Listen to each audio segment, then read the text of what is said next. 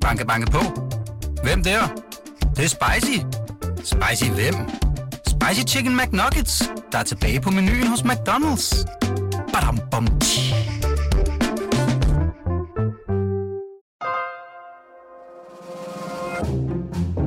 Du lytter til Weekendavisen. Her kommer Huxi og det gode gamle folketing med Huxi Bak.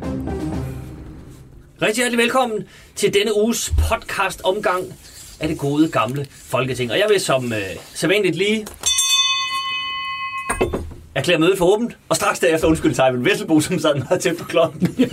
det vil jeg, men altså, vi er jo i et lidt mindre lokale nu, og, og sådan er det. Men vi skal jo ringe ind, fordi ellers er der ikke styr på sagerne. Og dermed også velkommen til Eivind Vesselbo. Tak skal du have. Fornøjelse. Ja. Det samme gælder Sonja Mikkelsen Tak. og Pelle Dragsted. Tak. Rigtig hjertelig velkommen alle sammen. Hvis vi lige skal tage øh, partifanerne, så kan vi jo lige hurtigt øh, tage den. Eivind øh, foranværende medlem af Folketinget for Venstre. Sonja Mikkelsen foranværende medlem af Folketinget for Socialdemokraterne. Og Pelle Dragsted foranværende medlem af Folketinget for Enhedslisten. Ja, det var en test. det? Nej, jeg kan ikke glemme det. Og jeg tror, der, er der, der er mere anonyme mennesker i Enhedslisten end dig, Pelle. Jeg tror ikke lige, den, den ryger ikke. Bare roligt. Øhm, se, vi har et par sager, vi skal forbi i dag, og det er, det er jo egentlig øh, sådan på relativt stor klinge. Vi skal finde ud af, hvad logik rent faktisk er, med særlig fokus på overvågning og frihed, og hvornår det er logisk. Så skal vi se nærmere på, øh, på den her svindelsag i forsvaret. Vi har talt om den før i sidste uge, vi har, men den ligger sådan og lurer hele tiden, og der kommer mere og mere og trækker ligesom tråde ud til, jeg havde nær sagt, hele det offentlige system. Mm. Øhm, så skal vi også lige forbi Færøerne, Kina, og dermed også Danmarks forhold til Kina. Vi har jo et par pandaer siddende, som vi jo lige kan vende, hvad vi skal gøre med. Øhm, men vi starter et helt andet sted, som hvad skal man sige, sådan, i første omgang overhovedet ikke har noget med Danmark at gøre, men alligevel jo har temmelig meget med Danmark at gøre. Der var valg i England forleden, 12. december, øhm, og det gik som det gik. Der var nogen, der var rigtig glade, der var nogen, der var øh, kede af det. Boris Johnson var rigtig glad. Han fik absolut flertal derovre, så nu er der altså ingen slinger i valsen. Nu får vi et Brexit. Øhm, Pelle Dragsted, jeg, så, jeg holdt også lidt øje med, med, med Twitter og med dig og sådan noget. Øh, så jeg vil jeg vil ikke spørge, om du var glad eller ked af det. Men, men altså, hvordan ser det ud herfra, fra din stol? Jamen, jeg synes jo, det var, det var skrækkeligt. Altså, jeg synes jo på en måde, det her med, altså det var jo en valgkamp, der var præget af rigtig meget løgn og misinformation af fake news. Mm. Øh, der er lavet en undersøgelse af, af de konservatives valgannoncer på Facebook, så viste at 88 procent af dem var fejlagtige, altså havde fejlagtigt indhold. Øh, Så jeg, jeg synes egentlig, det mest bekymrende det der med, at endnu et valg i et stort og vigtigt øh, stormagt i verden er afgjort i, øh, hvor folk egentlig velvidende af ham, der stod i spidsen for det parti, der vinder, øh, er en notorisk øh, løgner og, og svindler. Mm. Og det, det bekymrer mig sådan lidt på demokratiets vegne. Hvis man skal sige øh, sådan mere i forhold til Brexit, så synes jeg måske, at alle kan lære noget om, at nogle gange, hvis man prøver at, du ved, undgå det lidt slemme, så får man noget, der er meget slemmere. Altså set i bagklodskabens lys, der må man nok sige, at alle de kræfter, der har kæmpet mod Brexit, øh, altså øh, sådan set både Corbyn, men jo også Liberaldemokraterne og andre, øh, de har jo endt med at få et endnu værre Brexit, end de kunne være endt med. Mm-hmm. Altså hvis nu partierne havde sat sig sammen, ligesom måske man gjorde med et nationalt kompromis hjemme, øh, havde sat sig sammen tidligt i forløbet, hvis Corbyn var gået, hvis May havde rakt hånden frem til Corbyn, hvis Corbyn havde rakt hånden den anden vej, jamen så havde man kunne lande en, en, en Brexit-aftale, altså gennemført det, som britterne har sagt, de ville, øh, på en, øh, altså som, som ikke havde fået den karakter, som vi formentlig kommer til at se, mm. se nu. Og det synes jeg måske er en, en lidt vigtig lærestreg øh, til, til alle, at øh, man skal skulle lytte til folk. Når de har været en folkeafstemning, og de har sagt noget, så, så bør man lytte til det. Og hvis ikke man gør det, så ender man altså med at få en ordentlig boomerang tilbage i hovedet, og det er jo det, der er sket her. Ja. Så det Mikkelsen, er du enig? Det er jo nærmest en, øh, en Lars Lykke, der bliver efterlyst her. At man er simpelthen nødt til at række ind over midten, fordi ellers så, kan man, så ryger det ud på sådan noget yderfløjs øh, politik, og så, Jeg synes så bliver det ikke- endnu værre. Jeg synes du ikke, Lars Lykke, han var perfekt til det. Nej, det, det, det, det, det, tror jeg heller ikke. Det men altså, synes jeg nu ikke, man Men kan det var, sige. det var vel lidt samme model, han sådan sigtede efter. Jeg, jeg vil sige, at, øh, at på en eller anden måde, så kan jeg godt forstå, at englænderne de var blevet trætte af det. Øh, Jeg synes jo, det vi har set med, med, med Brexit, og som også Pelle er inde på, det har jo vist, at det der med at have valg i enkeltmandskredse, det har altså nogle øh, alvorlige demokratiske øh, vanskeligheder øh, indbygget, synes mm-hmm. jeg, man kan sige. Mm-hmm. Øh, og nu, øh, altså, det er jo... Øh, det er jo tragisk, at øh, folk bliver nødt til at stemme på et helt andet parti, end det de øh, egentlig af hjertet ønsker at stemme på, øh, for at få, øh, hvad skal man sige, for at få gjort den ende på det her. Ikke? Også det er jo mm. det, vælgerne i England har, har gjort. Ikke? Det er, at de har stemt på, på de konservative, fordi de mente, så kunne de få det der øh, Brexit gjort, øh, som Boris Johnson har sagt.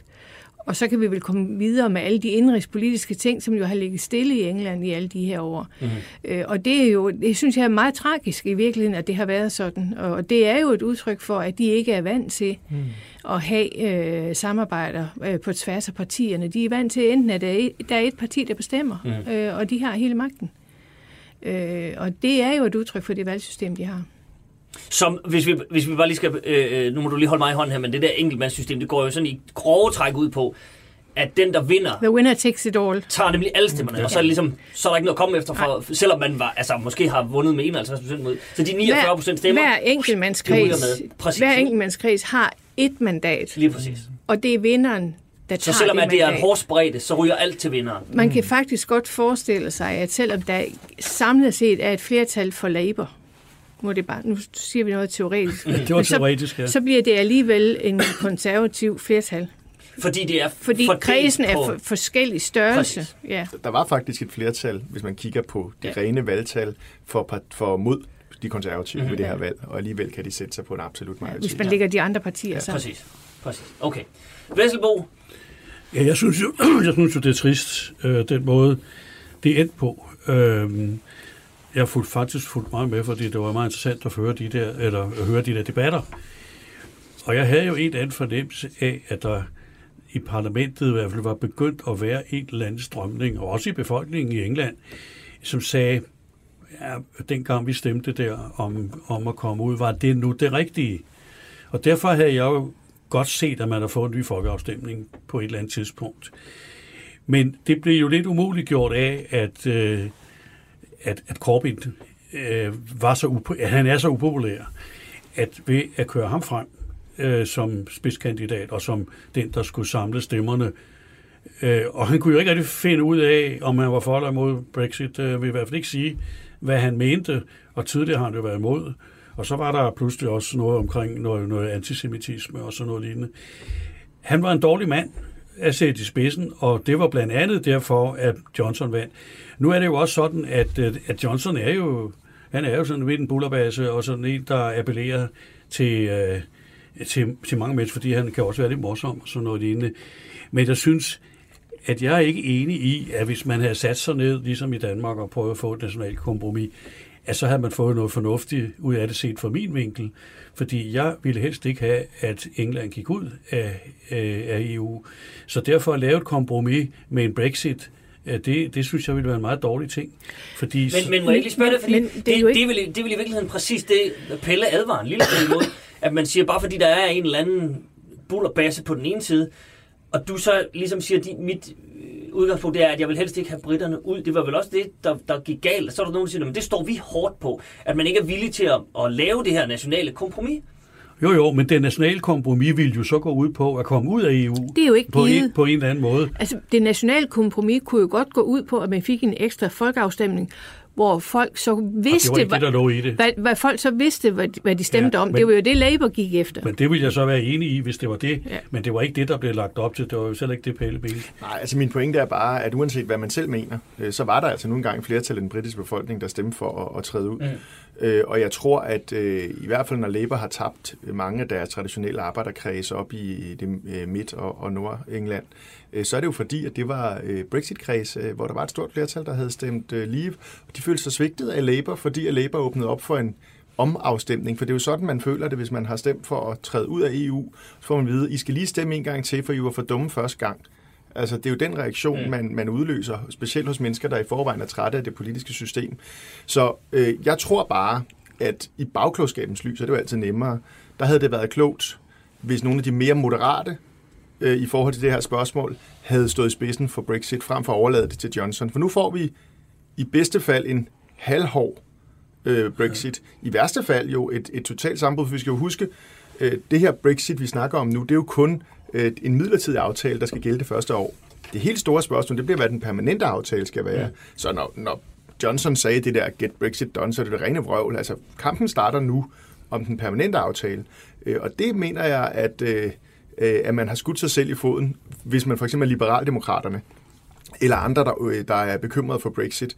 At nu har man altså sikret en hard Brexit, siger absolut flertal ved at ikke være villig til at indgå et kompromis om et mere soft øh, Brexit. Altså du mener, at de, de, har, de har nok fortrudt, at de ikke stemte for Mays Ja, altså hvis udgave. jeg var Labour, ville jeg i hvert fald ærge mig over, at jeg ikke fik, øh, fik øh, indgået en aftale for det der øh, skubbet til siden, og så taget et valg om alt det, alle de andre vigtige spørgsmål, som optager britterne. Det var interessant, der var en måling her, der viser faktisk et flertal øh, havde øh, sundhedssystemet, altså øh, øh, NHS, NHS som, som, som det vigtigste spørgsmål. Mm. Øh, ja. Men alligevel, så, så blev det Men det er jo, som sådan jeg sagde, det er, det er jo druknet i det her Fuldstændig. mærkelige øh, slagsmål og personspørgsmål. Men altså grunden til, at man skulle have en ny, grunder, en, en ny folkeafstemning, det var jo ikke fordi, man skulle sige til folk, I er dumme, I stemte forkert sidste gang. Mm. Det var jo fordi, nu var der gået tre et halvt år, og nu har man faktisk fundet ud af konsekvenserne af Brexit. Og det var der mange britter, der jo ikke vidste helt konkret, hvad dengang de stemte første gang. Så derfor synes jeg personligt, det ville være, have været fair nok at sige, nu er der gået tre og halvt år, de har slået sig ind i parlamentet, og der er alle mulige forskellige øh, øh, planer, og der er nogle aftaler. Lad os prøve at få det til debat igen, hvor det er mere oplyst. Det øh, bør man vel også tage hensyn til, at dengang man stemte dengang, der var der ikke mange, der kendte konsekvensen. Det er sådan set, altså jeg kan sådan set godt forstå resonemanget. Jeg tror bare, at rigtig mange britter, lige præcis det du sidder og siger, Eivind, det de oplevede som at sige, I var uoplyste, I var dumme, I stemte forkert, nu tager vi en ny afstemning. Jeg ved godt, det ikke er det, du mener, men jeg tror, det er sådan, det bliver hørt blandt øh, jo, jo. i de deindustrialiserede zoner i, øh, i, øh, i Nord- og, og, og Midt-England, og det, det tror jeg simpelthen, altså for jeg har det på samme måde som dig, jeg blev også mere og mere optaget af, at Labour, de burde nok stille sig mere tydeligt på Remain og acceptere den her second referendum. Øh, men jeg tror bare, man er meget påvirket af, hvem det, altså fordi man så de der popular vote demonstrationer i gaderne, og øh, rigtig mange progressive øh, af dem, jeg kender i Storbritannien, de var også tilhængere af det der. Men det er en af de der ting, som jo er mere og mere tydeligt i, i de konflikter, der præger Europa og sådan set også USA, øh, det er jo, at så nogen øh, skulle jeg til at sige, jeg ved ikke, om man kan sige sådan nogen som os, men altså det, folk, der, altså der, der er en, en, øh, en manglende øh, opmærksomhed og erkendelse af, hvad det er, øh, der rører sig specielt i de områder af, af, af vores lande, som er præget af dyb øh, øh, hvad hedder det, opgivenhed, øh, arbejdsløshed, øh, og hvor man, øh, øh, altså der, der, det er blevet meget mere adskilt, og der har simpelthen ikke været en erkendelse og en forståelse for, øh, hvad det her spørgsmål har betydet for rigtig mange mennesker i det nordlige. Øh, og, nu, skal man jo også, nu skal man jo også være opmærksom på, at det er jo øh, de konservative, der har styret øh, England igennem rigtig mange år. Og det er jo ikke dem, der er kendt for at have stor opmærksomhed over for uh, The Midlands, uh, altså det område, hvor den gamle kulindustri lå, og mm. værftindustrien osv. Der er jo ikke nogen, der har gjort noget for de mennesker. Øh, og, og så kan man jo godt forstå, at de måske har en oplevelse af, at EU ligesom ikke rigtig er noget for dem, for de har ikke, ikke fået noget ud af det.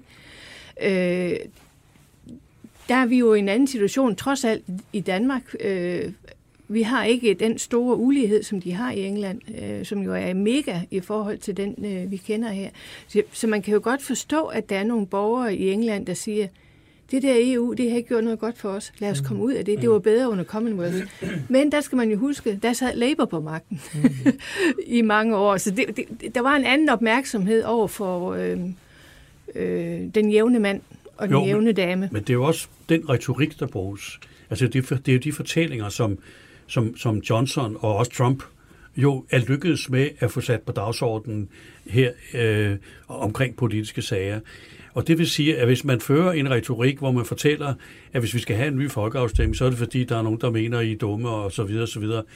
Det er jo den retorik, der får lov at dominere øh, både i England, men også i USA, fordi man har, man har Boris Johnson og man har Trump, og der er der også noget, som smitter lidt af på den retorik, vi har i Danmark, altså den politiske diskussion, som jo kører på samme måde, at nogen får lov at løbe med, med, med en halv vind og fortælle alle mulige historier, som sætter frygt i den danske befolkning. Så det, det der er det store problem, det er, at, at, at dem, der kommer med historierne i øvrigt, som kan være usande, det er dem, der får lov til at dominere debatten, fordi at øh, det, de siger, det er sådan noget rabiat, noget som medierne synes er en rigtig god ting. Fordi hvis man havde haft en anden debat om det her, øh, og det har man så haft i visse kredse, men det er ikke den, der er nået ud igennem til den store øh, befolkning. Og Pelle, der har du jo ret i, at, at hvis man hele tiden fortæller folk, at hvis de får en ny folkeafstemning, så er det fordi, at de har stemt øh, dumt sidste gang, og, og de ikke har forstået noget. Så er det klart, at så bliver folk sure, og så stemmer de noget andet. Ikke? Jamen, jeg er sådan set enig i, at, øh, at, der, at der er en dobbelthed i det her. Der er manipulation, der er løgn, der er fake news. Men, men, men når det virker, så er det også fordi, der har været en ufølsomhed fra store dele af den politiske elite i de her lande over for de negative konsekvenser af frihandel, globalisering og EU. Mm. Altså, øh, der, øh, man fik at vide i England, der vil komme 50.000 øh, hvad hedder det, østarbejdere til England, og det blev en halv million de første få år. Og det er klart, det udfordrer et arbejdsmarked, ja, det, det presser lønninger, det presser arbejdsvilkår, og det er jo det samme med Trump og hans forfærdelige mur. Det er jo et forfærdeligt idé, men det er, ikke, det er jo ikke forkert, at det, at der kommer mange øh, migranter, der søger arbejde, betyder noget for løn- og arbejdsvilkår i, i, i de sydlige stater i USA. Og der har der bare været en manglende evne, det gælder sådan set også herhjemme i forhold til, hvad der er foregået, for eksempel inden for byggeriet, at man er blevet ved med fra elitens side, øh, du vil sige hele historisk det politiske establishment, og ligesom bare besynge globalisering og frihandel som, jamen vi kan jo se, at økonomien går fremad. Ja, det kan godt være, at den går fremad på BNP, men der er altså bare rigtig mange mennesker, der er blevet tabt på vejen, og enten har mistet deres arbejde, eller har fået langt øh, øh, dårligere og utryg, øh, utryggere arbejdsliv. Øh, og, og, det, og når, man har, når der har været igennem mange år en dissonans mellem, hvad politikerne sagde, og hvad folk har oplevet, så er det altså nemmere at hoppe på, når nogen kommer og, øh, og, og fortæller løgne. Så, så der er en baggrund for det, men, men vi er ikke uenige i, at det er også et kæmpe problem, at vi har en politisk debat, der er så præget af, altså af, af sådan nogle øh, forskellige fortællinger. Øh, og i Storbritannien er det jo helt slemt, fordi at, øh, man kan sige, det, det er jo også fordi medierne er ejet af mennesker, som har haft en interesse ja. i det her. Altså, der er også et demokratisk problem. Men, men hvis vi lige skal runde uh, Brexit-delen uh, af, så hvad kan man gøre? Nu har vi ligesom fået konstateret, at, øh, som Sonja også var inde på, det står måske ikke helt så slemt til som i England, sådan ulighedsmæssigt. Vi har ikke de der sådan store, som man har i USA og som man har i England med, med en bilindustri, der er gået helt ned, og kulindustri osv., som, som øh, er lige så skarpt opdelt som i England og, og USA. Så, så på den konto øh, kan man ikke sådan en til en sammenligne.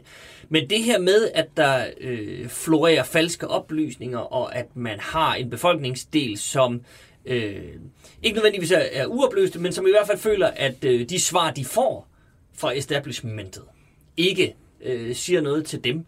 Øh, er det noget... Altså, hvad kan politikerne gøre? Hvad kan man gøre for den politiske øh, del af samfundet i forhold til at få, øh, få styr på det, få stoppet sådan noget, at der ikke kommer mere fake news? Det er jo nemt og bare sprøjte historier ud. Altså, man ved jo også, at, at øh, så snart øh, en løgn, den rejser noget hurtigere end, øh, end sandheden, og, og de der tilbagetrækninger og berigtigelser, dem er der jo en tiende del, der ser, hvis man er, hvis man er heldig. Det er vel også noget, man skal, man skal tage hånd om fra politisk side, men hvis Jamen, jamen det er det jo, og det skal man gøre ligesom på alle mulige andre områder. Man skal prøve at sige sandheden. Man skal prøve at holde sig til sandheden, fordi som Pelle meget rigtigt sagde før, altså hver gang, at man fortæller befolkningen nogle, nogle løgnhistorier, eller nogle usandheder, eller noget, der ikke er helt rigtigt, og de så finder ud af det, ja, så er det jo, at man sender dem lige lugt, lugt i hænderne på, på sådan en som Trump og Boris, øh, og Boris Johnson. Så vi ved jo ikke rigtigt, vi er jo samme situation, som, som englænderne har været i lang tid. Vi ved ikke rigtigt, hvad konsekvensen er ved Brexit for, for Danmark. Øh, hvad med arbejdspladser, og hvad med, ja, hvordan med relationerne. Men der må man jo prøve bare at fortælle, hvad er virkeligheden, og hvad er realiteterne, i stedet for at prøve at skjule det, fordi man er bange for befolkningens reaktion på, at Nå ja, det er jo, nu kommer der et eller andet negativt, men vi tør ikke fortælle sandheden.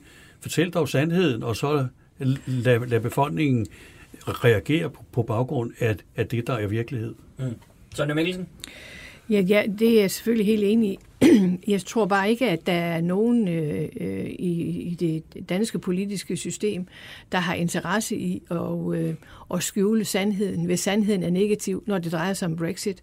Øh, fordi Nå, nej, men, men, fordi men, det, vil jo, det vil jo betyde, at, øh, at, man ikke, at man siger til befolkningen, det er ikke så slemt, når der er nogen, der melder sig ud det er slemt, når der er nogen, ja, der melder sig ud. Og når det, det, det tror jeg heller ikke. Det er så stort et land som England, der melder sig ud, så er det slemt. Jo, det, den tror jeg alle er med på, men i virkeligheden, hvis vi breder den helt ud til sådan helt mm. generelt, at man... Og jeg er enig i, det, det står nok heller ikke så slemt til i Danmark, at der er sådan, at folk, der sådan decideret lyver.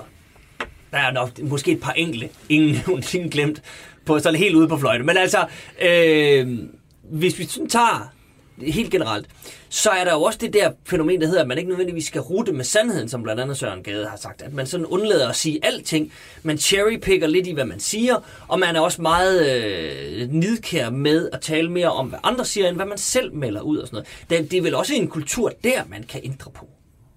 Jo, jo, og vi har da også set lignende tendenser i Danmark. Vi havde jo valget i, i, øh, i 15 med den der gule, øh, øh, øh hvad kaldte man det?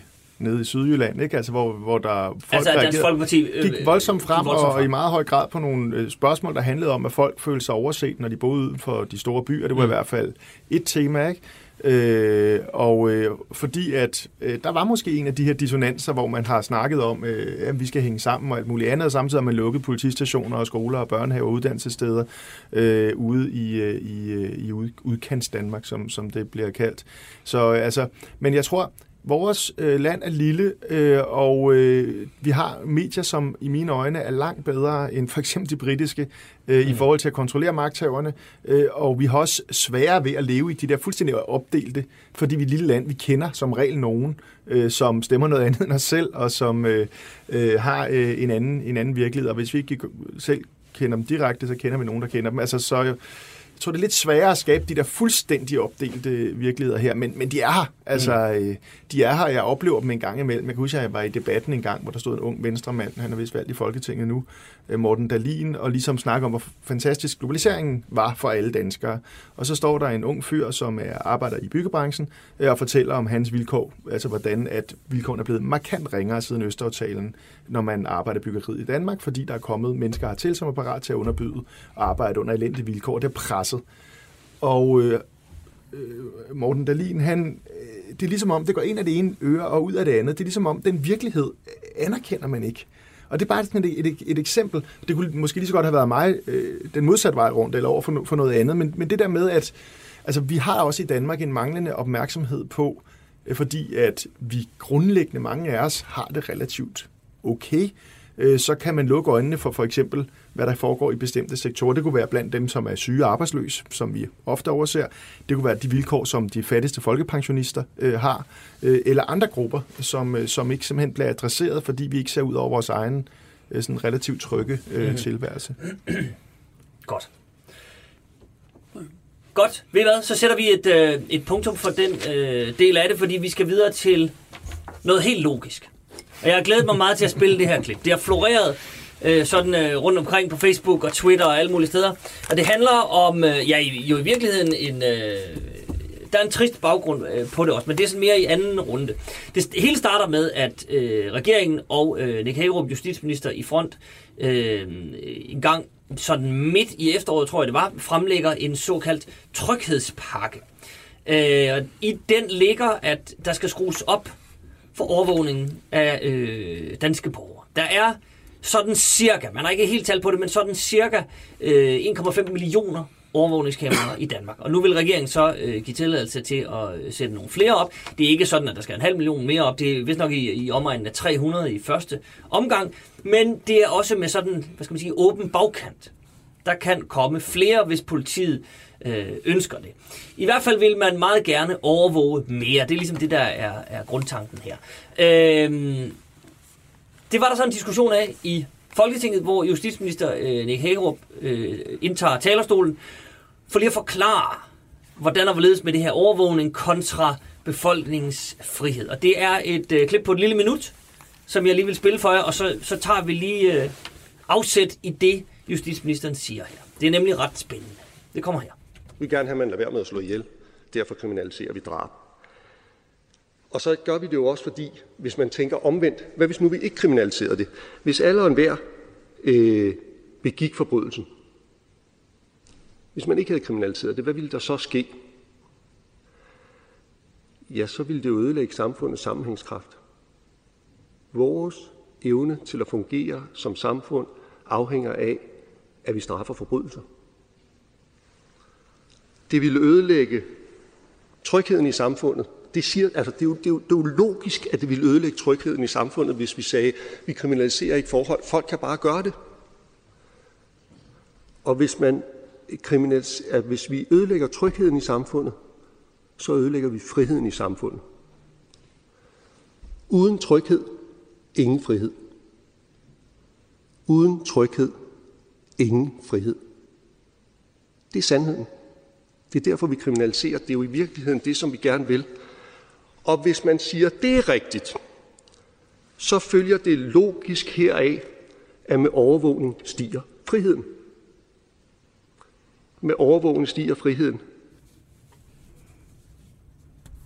Ja, det var således øh, logikken udlagt fra justitsministeren Nick Hagerup. Med overvågning stiger friheden. Øh, Sonja Mikkelsen, må jeg starte over med dig som socialdemokraten her? Jeg vil bare sige, at jeg er lodret uenig. Okay. Øh, og, øh, og nu skal man også passe på med, at man ikke udlægger den danske befolkning, som om den er utryg. Den danske befolkning er faktisk meget tryg. Og trygheden meget, stiger faktisk ifølge og, de seneste år, og meget tillidsfuld. rapporter. Ja. Øh, og, øh, og nu har vi så lige haft denne her, øh, denne her situation med, øh, med fængslingen af alle de der øh, mennesker, man har fundet rundt om i landet, som, øh, som har været i gang med noget grimt, øh, ifølge Præcis. PET. Præcis. Og, og det viser jo bare, at øh, politiet kan godt lave deres arbejde. Politiets efterretningstjeneste kan lave deres arbejde med de me- me- øh, midler, de har i dag. Så stop det der. Altså, er Kina et mere frit land end Danmark? Altså, og der, der vil jeg, nu, vil jeg, nu parafraserer jeg bare, men ifølge Nick Hækkerups logik, Ja. ja. Ja, og, og, det, og det giver ingen mening. Nej, men det, det er jeg glad for, du siger, for jeg var også lidt i tvivl om, hvor meningen lå hen i det her. Det, det må jeg simpelthen sige.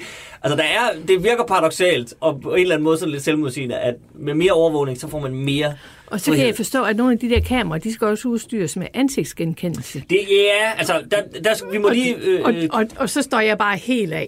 Det der, det, der ligger i det, det er, at politiet vil gerne have, at kameraerne udstyres med ansigtsgenkendelse. Det har man indtil videre ikke givet tilladelse til, men man har til gengæld sagt fra både Mette Frederiksen og Nick Hækkerups side, at man sådan set vil lytte til politiet, og langt hen ad vejen efterkomme deres ønsker. Men der er ikke givet tilladelse til ansigtsgenkendelse endnu, men altså, Bortset fra på Brøndby Stadion. der, der er et eller andet med noget fodbold der, det er rigtigt. Der har man noget, nogle bøller, der skal genkendes på vej ind. Øh, men, men det er jo også glidebanen, ikke? Så har man gjort det der, og så hvis det fungerer det, og så kan man lige, og, og, og så videre, så videre, så videre. Øh, Eivind Vesselbo, hvad, hvad siger du til den her udtalelse? Jamen, jeg er jo fuldkommen enig med Sonja. Altså, jeg synes, at, at der er jo, som du siger, øh, mange, mange kameraer rundt om i Danmark. Og de kameraer, der er, har jo i hvert fald opfyldt en eller anden funktion i nogle sammenhænge, at man har kunnet øh, få opklaret nogle ting, øh, kunne genkende nogle, nogle, nogle folk øh, på nogle veje og nogle, øh, uden for nogle forretninger og sådan noget lignende.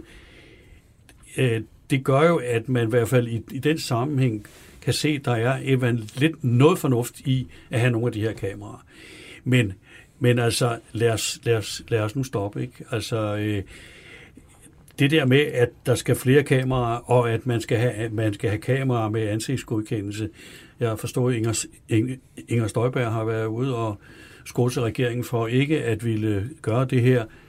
Sagen er jo, at hun erkender også blankt, at det ikke er Venstres politik. At hun som næstformand går ud og udtaler sig om noget, der ikke er Venstres politik. Men alligevel i debatter øh, holder hun fast i det hen ad vejen. Det er interessant, og der må man spørge, hvor... Det må hvor sige. Ja, fordi da Christian Jensen som næstformand gik ud og sagde noget, der var imod Lars Løkke, der var formand, der var det forfærdeligt, fordi han underminerede formanden.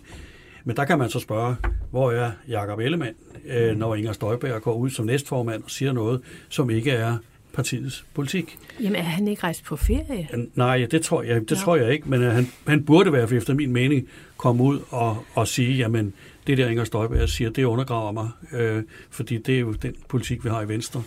Øh, at hvis, man, hvis næstformanden går ud og siger noget mod formanden, så, øh, så er det ikke særlig godt. Men det, det er så en anden ting.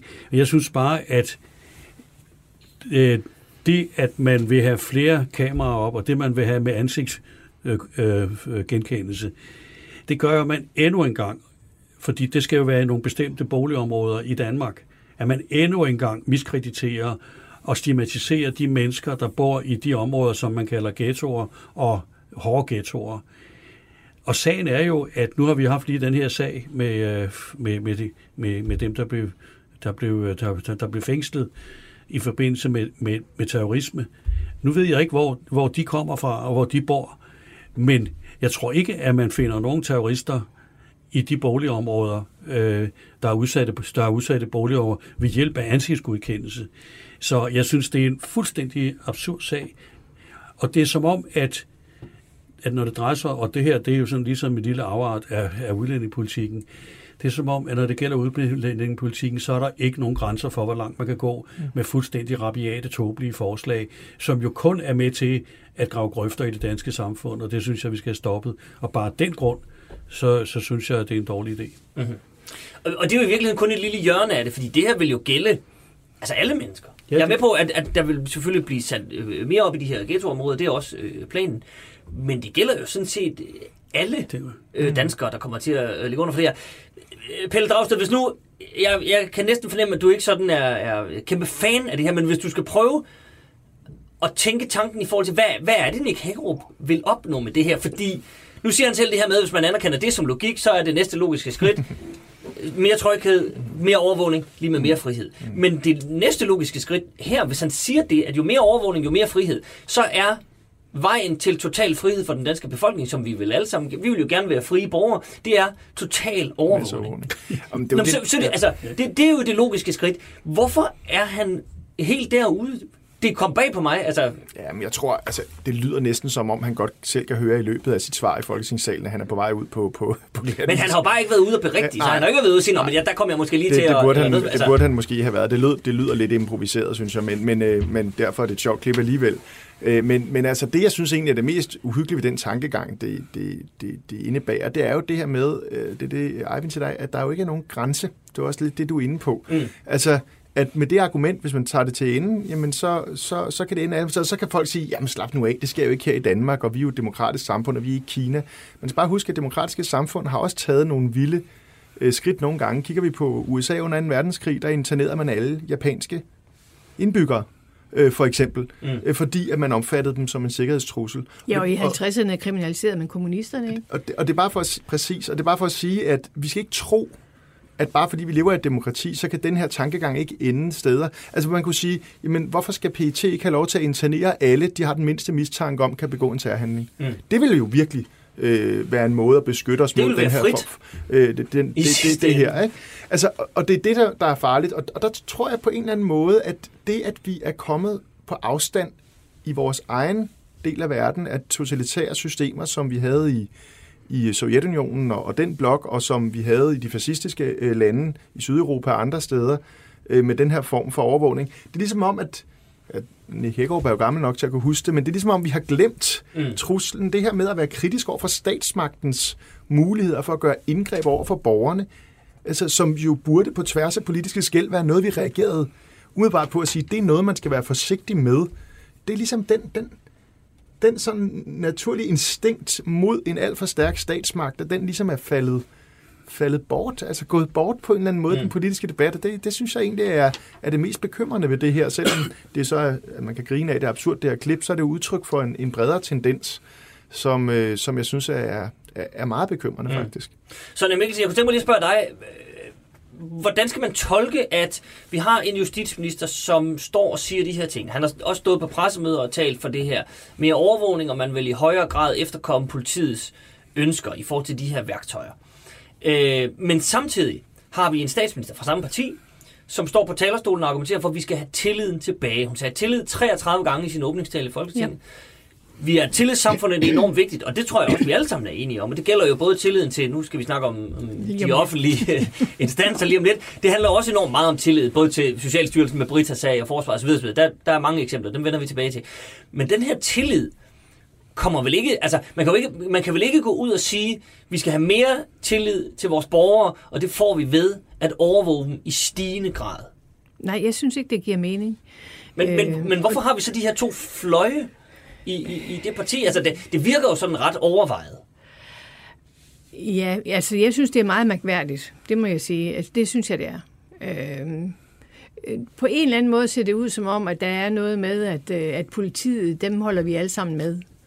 Øh, og, og hvis politiet siger, at de har brug for noget, så skal man gå langt for at give politiet det, de gerne vil have, fordi vi synes, politiet er gode. Jeg tror, det er sådan ligesom er, er sådan noget, der, der, der helt altså, ligger bag, og man har måske øh, vanskeligt ved at sige til politiet, stop her. Øh, nu Fordi man ikke vil fremstå som nogen, der, der begrænser politiet, men vil ja. vise, man har fordi, uendelig tillid til fordi politiet? Fordi man har tillid til politiet, og, øh, og, og så vil man godt udstyre politiet med de øh, virkemidler, som politiet godt kunne ønske sig. Øh, og, og jeg har det lidt ligesom med, med udlændingepolitikken, at, at er der ingen grænser? Ja. Altså, er der ingen grænser her? Og tør vi slet ikke at sætte grænser over for, for politiets ønskeseddel? Mm. Øh, og det kunne jeg godt drømme om, at man ligesom tog en fælles drøftelse af på Christiansborg. Hvor, hvor, er, hvor er grænsen for politiets ønskeseddel? At den, hvor, hvor stopper det? Hvor skal den ikke længere imødekommes? Men, men, men er det nødvendigt at tage en fælles diskussion på Christiansborg? Det, det vil, tror jeg. Det, vil, det er vel en stærk justitsminister og en stærk regering, der ja, skal sige, prøv at høre her, ja, her tæller ikke længere. Vi ja, kan men, ikke... men, men i det øjeblik, at, at øh, for eksempel Nick Hagerup, han siger, at nu stopper festen, ja. så, så kommer hele borgerskabet ikke, også og siger, øh, hele den borgerlige blok og siger, at nu går det helt galt, og man vil ikke politiet og frem og tilbage. Men det sjove er jo, den her sag er jo det er jo lige ned af, hvad skal man sige, hvad, altså sådan klassisk borgerlig tænkning, sådan liberalistisk tænkning i hvert fald. Venstre og, og Liberale Alliance og andre partier burde jo være med på at sige, at det, selvfølgelig skal politiet ikke øh, overvåge ja, danskerne men, men nu er det jo sådan, grad. at det, det er de nationale øh, konservative, der ligesom har vundet den borgerlige blok. Øh, og de nationalkonservative, de holder med politiet, med Pape i spidsen, mm. ikke? Øh, og, og, og sådan er det. Og det vil, det vil virkelig... Øh, jeg er ret sikker på, at hvis Nick Hærup, han sagde, ej, nu stopper festen. Øh, nu skal vi ikke have mere af det her, den her slags. Så vil der komme en hårde af spørgsmål og samråd og ting og sager over for den borgerlige blok. Han øh, skal han, jo lave... Men, men, han skal må jo han ikke tage det? Må han ikke tage de samråd og sige, prøv at her, det, det, det, det, det er det, mit job men, går ud på. Nu, det, jeg nu tror, snakker han skal, vi om det her, jo, og så skal jeg nok prøve at fortælle jer, hvad logikken så ja, er. Men det, han skal gøre, det er, at han, han skal invitere til det øh, til forhandlinger om en ny politiaftale. Og så skal han stoppe med at gøre enkelte elementer så højprofileret, mm, okay. at det er ligesom er er, er, er dem, der skal til for, at man kan lave et politiforlig med, med den her regering. Øh, jeg, jeg, synes, øh, jeg synes, han skal holde sig, han skal holde sig tilbage og være til, altså med øh, og, og flage nogle meget stærke synspunkter på det her område, for han lige om lidt, så skal han lave en politiaftale. Mm. Og der kommer han til at skal give sig på noget, og så er det altså åndssvagt, at han allerede har profileret sig på noget, som han ved, han vil blive stillet med af krav fra, øh, fra den borgerlige blok. Øh, så er det bedre at gemme det, og så sige, jamen, så, får, så, så bliver vi enige om det på et eller andet niveau. Jeg synes, han, er, han, han har ikke tænkt sin strategi igennem efter min bedste overbevisning. Det er også min analyse, må jeg sige. Men altså, øh, ja, Arvind Vesselbo. Jo, for at følge op på det, så vil jeg sige, at igennem de sidste mange år, der er et flertal, et faktisk stort flertal i Folketinget, været fuldstændig paralyseret af angsten for Inger Støjberg og Dansk Folkepartis øh, retorik og deres kamp for at få stramninger hele tiden. Og derfor har du fuldstændig ret i, Sonja, at, at, at hvis, Nick Hæk, Nick, hvis Nick Hækkerup gjorde det, så ville de falde over ham. Men der mener jeg, det må han tage.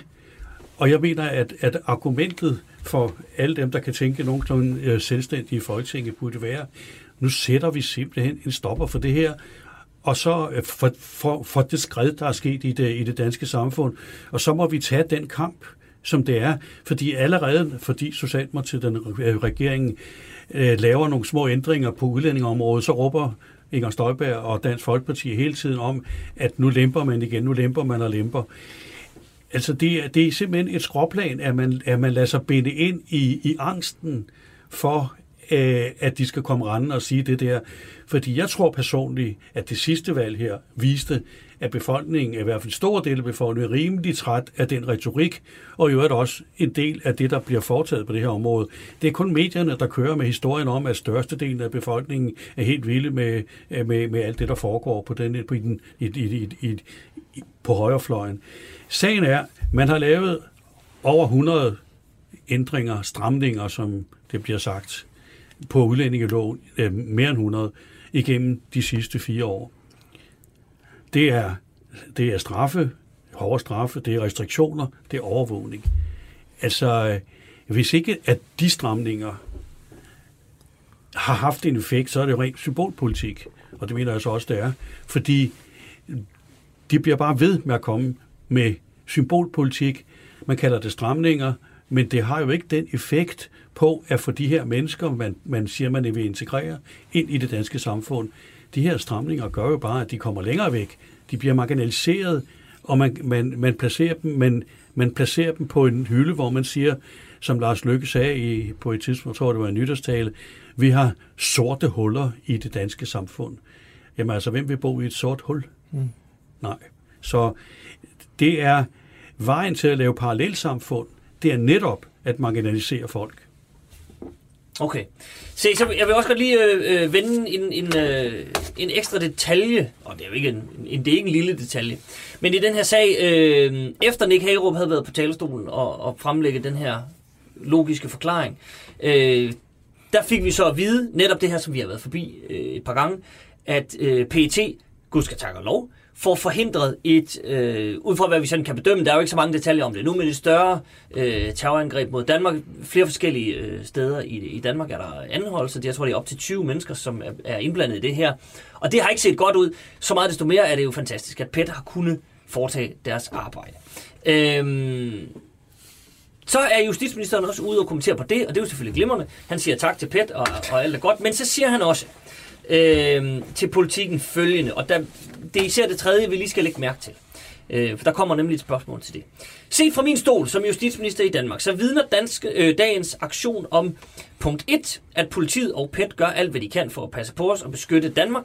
Og punkt 2, at der stadig er mørke kræfter, i det her tilfælde ekstremistiske islamister, som vil os det ondt, og som ikke skører nogen midler for at få ram på os. Så langt, så godt, det er der nok ikke nogen af os, der, der er decideret uenige i. Men så kommer han, så siger han, hvis man skal tilføje et tredje punkt, så skal det være, at vi hele tiden er opmærksom på, om politiet og efterretningstjenesten har de værktøjer, der skal til for at kunne imødegå de trusler, vi ser i Danmark, og at vi netop har fremlagt en tryghedspakke, som blandt andet giver øget mulighed for overvågning, for for eksempel at kunne bekæmpe kriminalitet, som det vi ser her. Så det, der er jo interessant her, ej, men den vil jeg godt lige løbe forbi dig, fordi der, så, det trækker jo en tråd tilbage til det her med, at man skal sige sandheden blandt andet. Altså, den her aktion, har jo ikke en hudende fis at gøre med overvågning. Altså det er jo PET, der, der, der har øh, alle mulige informationer osv. osv.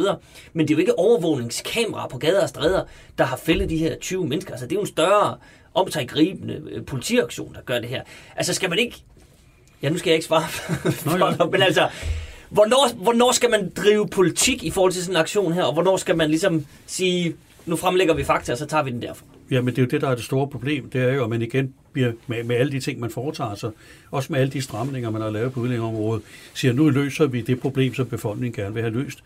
Og her siger han, ja, men vi, nu, nu har vi lavet den her tryghedspakke, og det er jo så, det betyder jo så, at man nu har fanget nogle af de der, øh, som vi lave terror i Danmark. Og der er det jo ganske rigtigt, at, at det har simpelthen ikke noget, noget med, med overvågning at gøre, fordi det har noget at gøre med, at politiet selvfølgelig overvåger de her mennesker, men ikke med kameraer mm. nødvendigvis. Men de føler, de ved, hvem de er. Og det er jo det, der er interessant her. At man, man ved jo godt, mange af de her mennesker, som, som, som, som er potentielle øh, problematiske mennesker i Danmark, som måske vil gøre Danmark rundt. Man har dem, dem i hvert fald en del af dem inde i systemet og følger dem.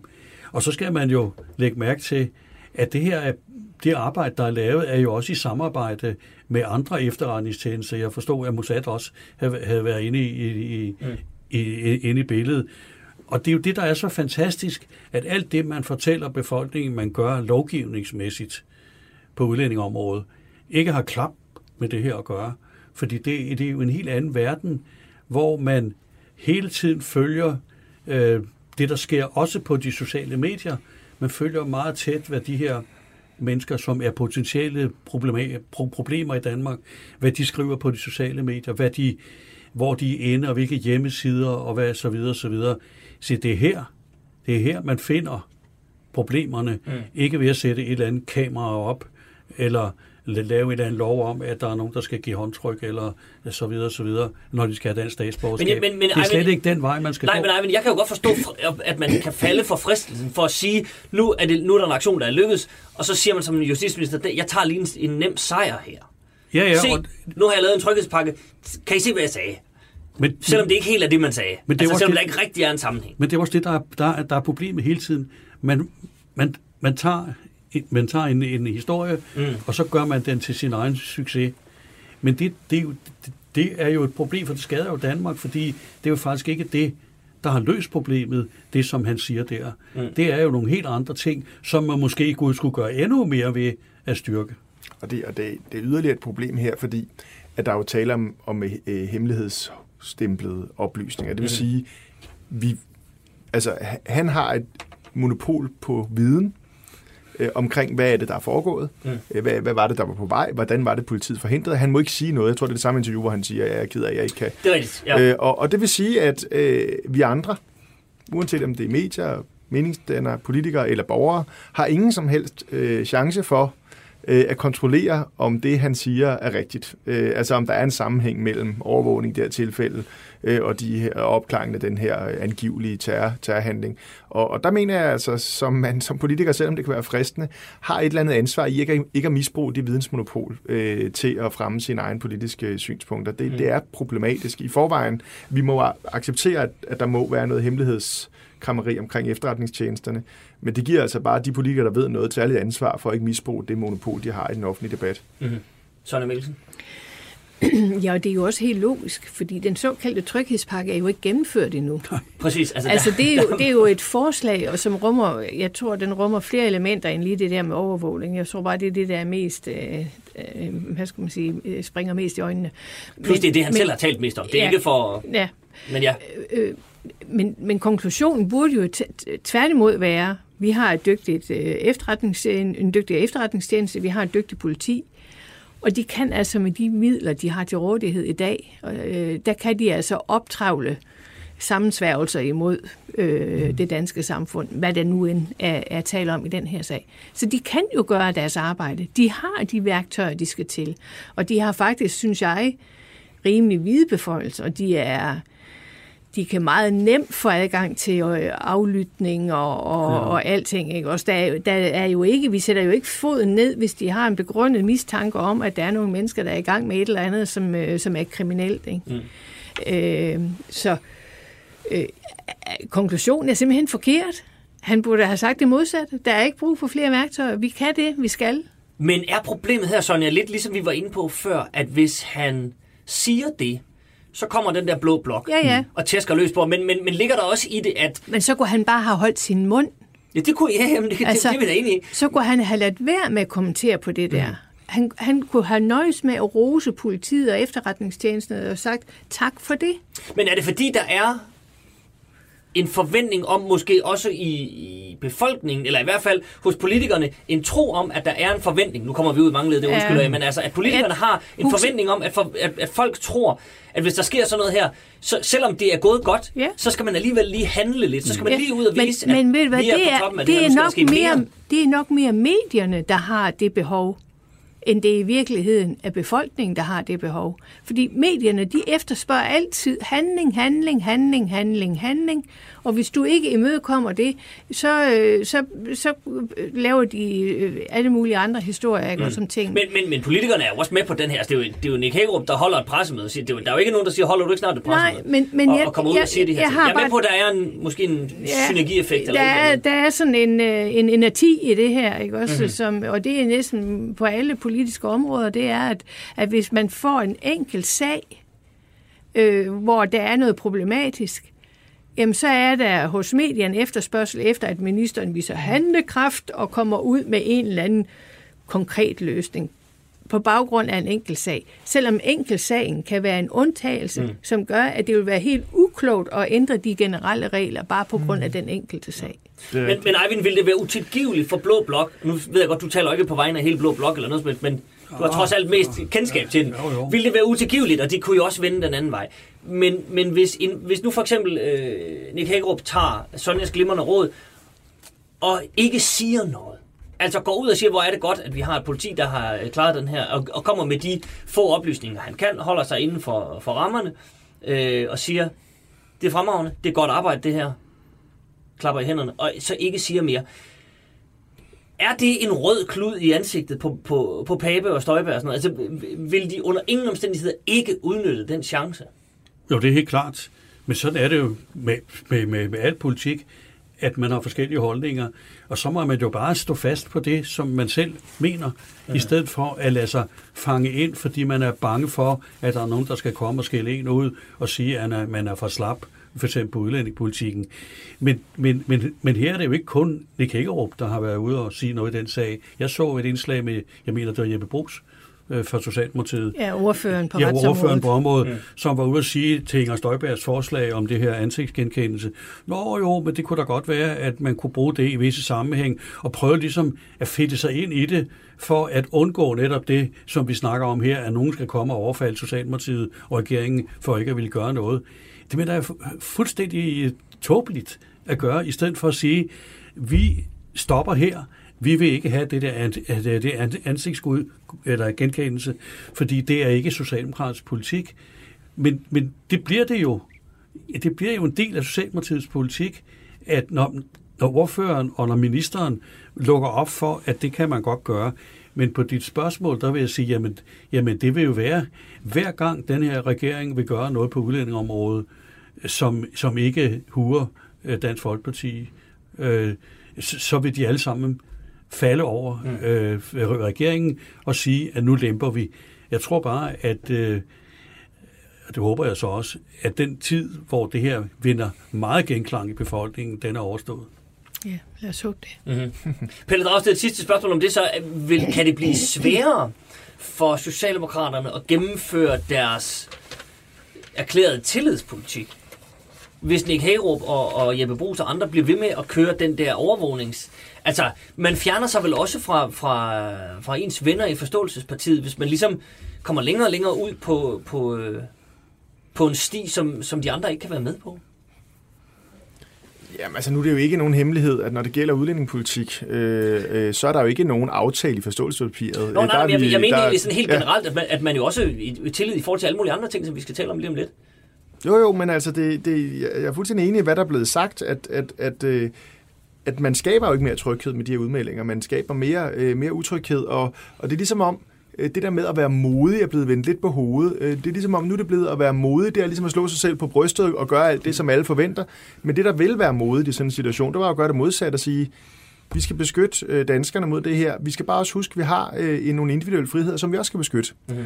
Øh, og, øh, og det synes jeg vil være, altså det, det, det er også, der er også en opdragende, altså politikere er jo menings, eller er beslutningstager, men har jo også en opdragende funktion øh, i den forstand, at, øh, at, at huske folk på, hvad er det, der kan ske, hvis man får meget overvågning. Vi havde Se og Hør-sagen herhjemme. Øh, det var så et privat firma, som havde nogle meget vidtgående oplysninger om kendte mennesker, øh, deres dankortsoplysninger, mm. som de lækkede eller solgte øh, til, til medierne. Det er jo det, der kan ske, hvis man har masseovervågning af mennesker, det er, at der, at der sker læk, der betyder meget, meget private oplysninger falder i forkerte hænder, enten i mediernes hænder eller i øh, fremmede magters hænder, hvis det gælder for eksempel herboende kurder, så kunne oplysninger falde i tyrkiske, og, og så videre, så videre. Og hvis der ikke er nogen, der går ud og siger det der, at man kun får det andet at vide, jamen så er det da klart, at så vil, vil, holdningerne i befolkningen også risikere at rykke sig, fordi man, man, man, man er fokuseret på, på den på den ene halvdel af dilemmaet, fordi det her med overvågning og den slags ting er jo et dilemma, fordi mm. på den ene side vejer nogle hensyn, på den anden side vejer nogle andre hensyn. Hvis man altid kun snakker om det ene hensyn, så vil debatten gradvist flytte sig i, øh, en, i, i den retning, og der, der mener jeg, at man svigter sit ansvar som, som, øh, som politiker. Det mener jeg sådan set gælder alle partierne, fordi man kan sige, altså det her med kritik af en, af en meget indgribende statsmagt, øh, burde være fælles gods øh, på tværs af Folketingets øh, partier. Mm. Sonja Mikkelsen? Ja, og, og i forlængelse af det, den anden side af det her, det er jo også øh, for eksempel den øh, diskussion, der er nu omkring øh, Huawei, og øh, altså, at de bliver ikke valgt som leverandør til mm-hmm. det danske 5G-netværk. Det var der jo også nogle, øh, hvad skal man sige, der var jo en, øh, en skræk for, at øh, kineserne de skulle få adgang til oplysninger om den danske befolkning, som, øh, som man måske ikke var så begejstret for. Øh, og og, og så man skal, man skal huske på, at det her, det er, er jo også, vi, vi har jo et PT og et politi, som deler viden øh, med alle mulige andre efterretningstjenester og alle mulige andre polititing. Så det vil sige, at, at hvis man nu for eksempel, nu, det er ren teori, hvis man nu i Østrig for eksempel øh, bruger overvågningskamera med, med ansigtsgenkendelse til at øh, straffe trafiksyndere, øh, jamen, øh, og, og der så er en dansk person, der overtræder trafikreglerne øh, i Østrig og bliver genkendt med ansigtsgenkendelse, skal det østrigske politi så kunne sende ansigtsgenkendelsesbilledet til det danske politi og få fat i den danske person omkring det. Jeg ved godt, det her det lyder teoretisk, men det er jo det, vi snakker om. Mm. Ja, vi er snakker jo om, snakker om. at vi har et åbent samfund, hvor vi deler information med også andre landes myndigheder, øh, og er vi interesseret i øh, de muligheder, der ligger. Bare fordi vi kan, skal vi så? Mm-hmm. Nej, det skal man ikke. Det, det er det samme. Øh, voldtægtsmænd, skal de, over, skal de overfalde bare fordi de kan? Nej, det skal de ikke. Men det er, og det er nu, nu øh, altså igen bare lige for at runde det så af med at vende tilbage til Nick Hagerup's logik.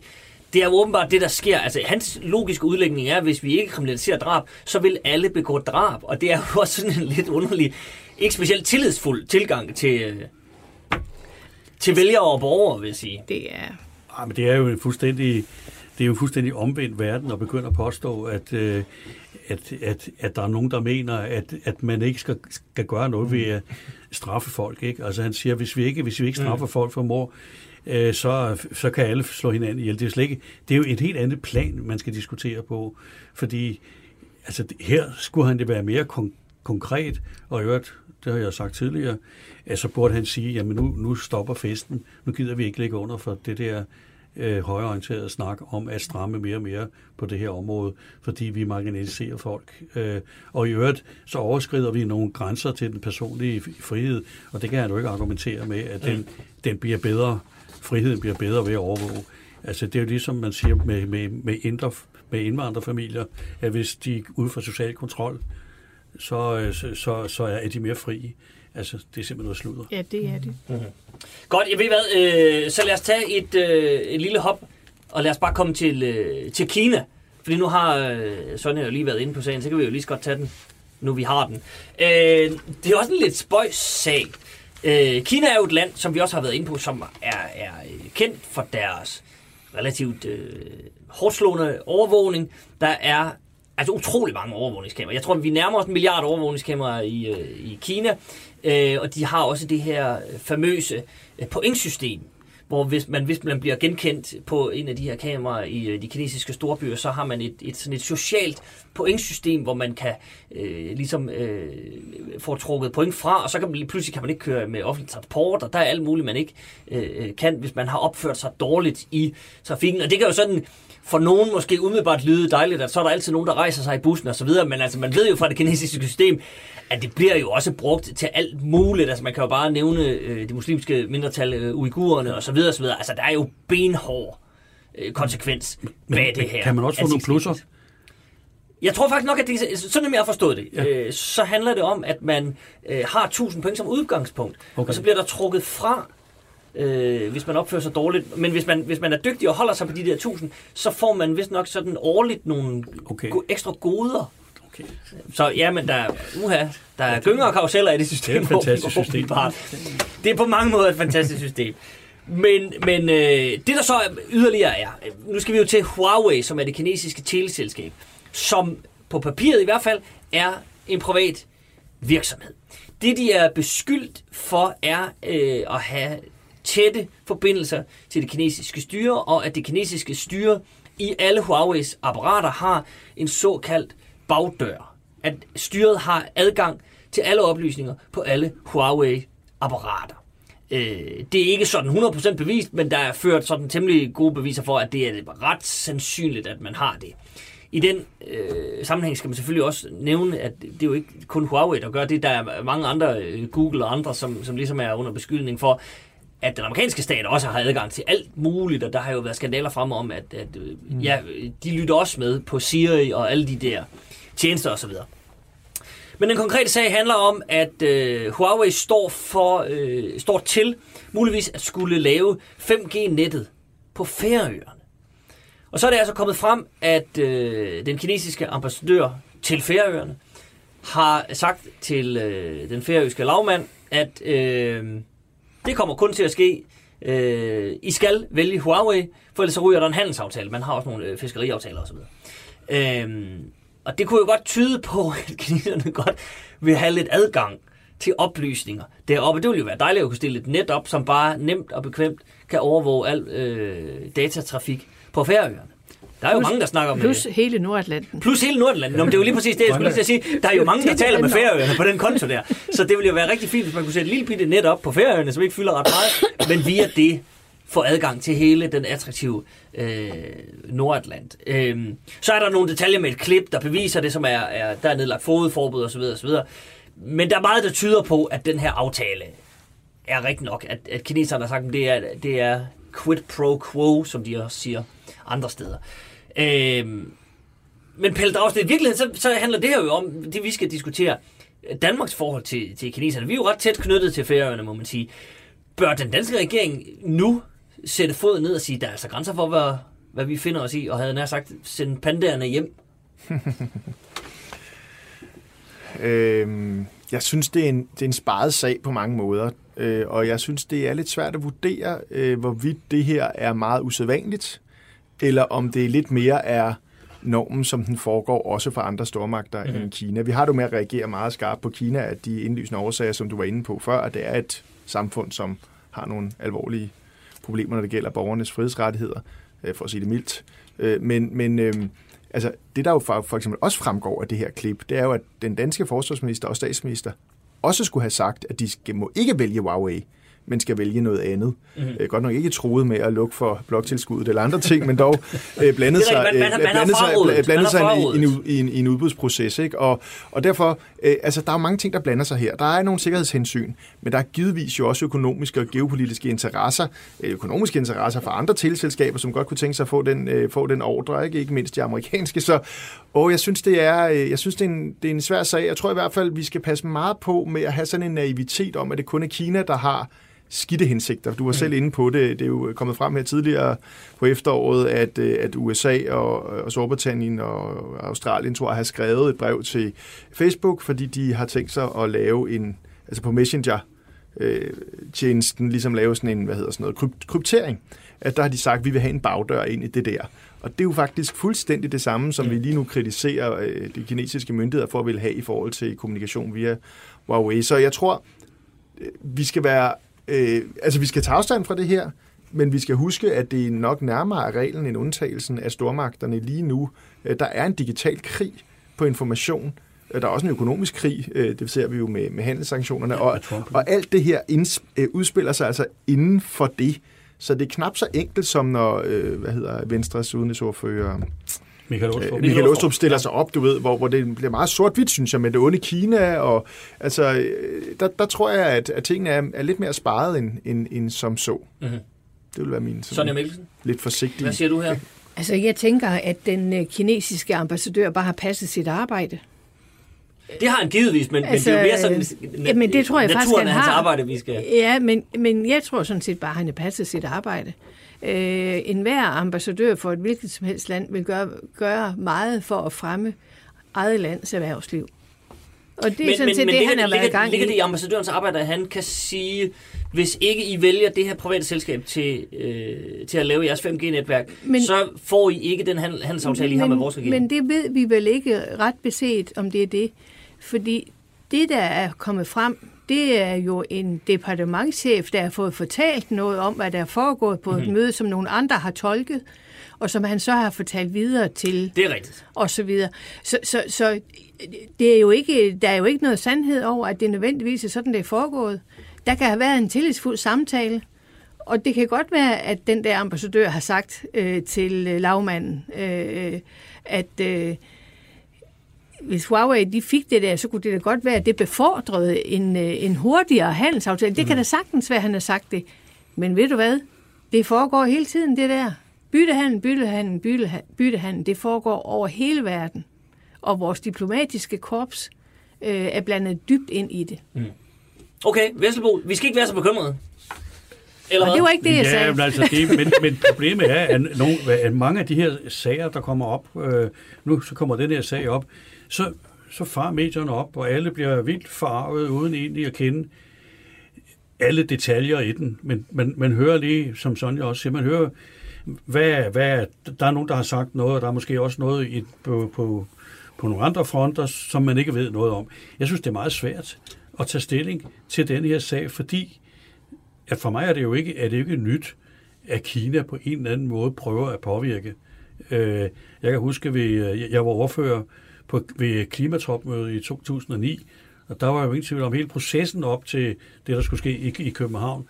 Der spillede Kina virkelig med musklerne. Mm. Øh, blandt andet så blev, blev Danmark stillet det krav nærmest, at man skulle frasige sig Tibets mulighed for at blive selvstændig stat øh, og rive sig løs. Øh, og så var der jo hele Tibet-sagen. Så, så det overrasker ikke mig, at, at der er nogen, der, der foretager sig det her, og som Pelle meget rigtigt siger, det gør alle mulige andre end Trump. Hvad gør Trump? Mm. Han, øh, han, han, han laver handels, prøver at lave handelsaftaler, hvor give og tage, og han skal have det meste. Ikke? Ja, Ukraine. Ja, det, der er jo ikke... Og, og derfor, man kan, det er meget let at blive forarvet over, at der er nogen, der stiller nogle krav om at få en eller anden aftale. Men man skal bare vide, som det også er blevet sagt, det her det er simpelthen noget, der foregår, øh, og i øvrigt kender vi ikke alle detaljer om, hvad der er blevet sagt i dybden, øh, så derfor så, så vil jeg da undlade at være forarvet, men jeg synes, det er en interessant sag, øh, fordi den viser noget om det internationale diplomati, det viser noget om, om økonomien og handelsaftaler, hvordan de bliver indgået, og øh, ja, man kan jo trække det helt ned til, til mikroniveauet. Der er der også nok nogle mange, der, der laver nogle aftaler, øh, har man jo hørt igennem tiden, og får lidt til gengæld. Jo, jo, det er, det er vist en gammel kendt taktik. Jamen, det er det, jeg mener. Ja, jamen, det, ja. det er godt. Ja. Så i virkeligheden, der, der er formanden måske lidt hurtigt på aftrækkeren, når, når jeg smider pandaerne på bordet allerede. Der skal vi lige stille og roligt, Sonja Mikkelsen. Ja, jeg tror, det bedste det er, og det tænker jeg allerede er foregået, øh, at øh, der har været en uformel kontakt mm. fra Udenrigsministeriet til ambassadøren, den kinesiske ambassadør, og spurgt ham efter, hvad er det egentlig, der er foregået, efter din opfattelse. Og så har de snakket med lavmanden også. Og så tror jeg, at den falder til ro. Okay. Og så ved, så ved vi jo, der er jo faktisk en lydoptagelse af det her. Så kan vi jo, hvis den dukker op, så kan vi jo vende ja. tilbage men, til Men, men, men ja, der skal man bare huske, at det er tredje parter, øh, der refererer fjerde parter. Øh, det, jamen, det, jamen, det er okay. Altså, så øh, ingen sandhedsvidner i sådan et, øh, en, en lydfil der. Nej. Øh, det, jeg synes, der er interessant i den her sag, det er, at vi får afklaret, hvor stor uafhængighed Færøerne har fra den danske stat mm-hmm. i forhold til at kunne vælge øh, kritisk infrastruktur. Kan de det i sådan en sikkerhedspolitisk situation, som, øh, som vi har i, i, øh, i Nordatlanten? Det synes jeg at virkeligheden er meget interessant. Øh, den danske regering har jo sagt, at det kan færgen selv bestemme. Men man vil alligevel godt give dem et godt råd. Ja, og man vil godt, man vil godt lytte lidt med. det er også derfor, at man kan ikke lade, altså, det er jo rigtigt, hvad Sonny siger, det er, det er jo faktisk offentliggjort nu, øh, hvad der er blevet sagt, øh, Berlingske det er rigtigt, har, har det er gjort rigtigt. Ja, de og, har det et afskrift. Ja, de har et afskrift af, ja. af samtalen, ikke? og den, den viser jo, som, som Sonja siger, det er jo en, der refererer, hvad en anden siger, ikke? Og, og det kan jo også være, at, at, at virkeligheden er, at, at, at Kinas ambassadør har sagt, øh, altså, at, for der er ingen tvivl om, Kina oplever, at de bliver diskrimineret negativt mm-hmm. for eksempel af USA og andre, i forhold til Huawei.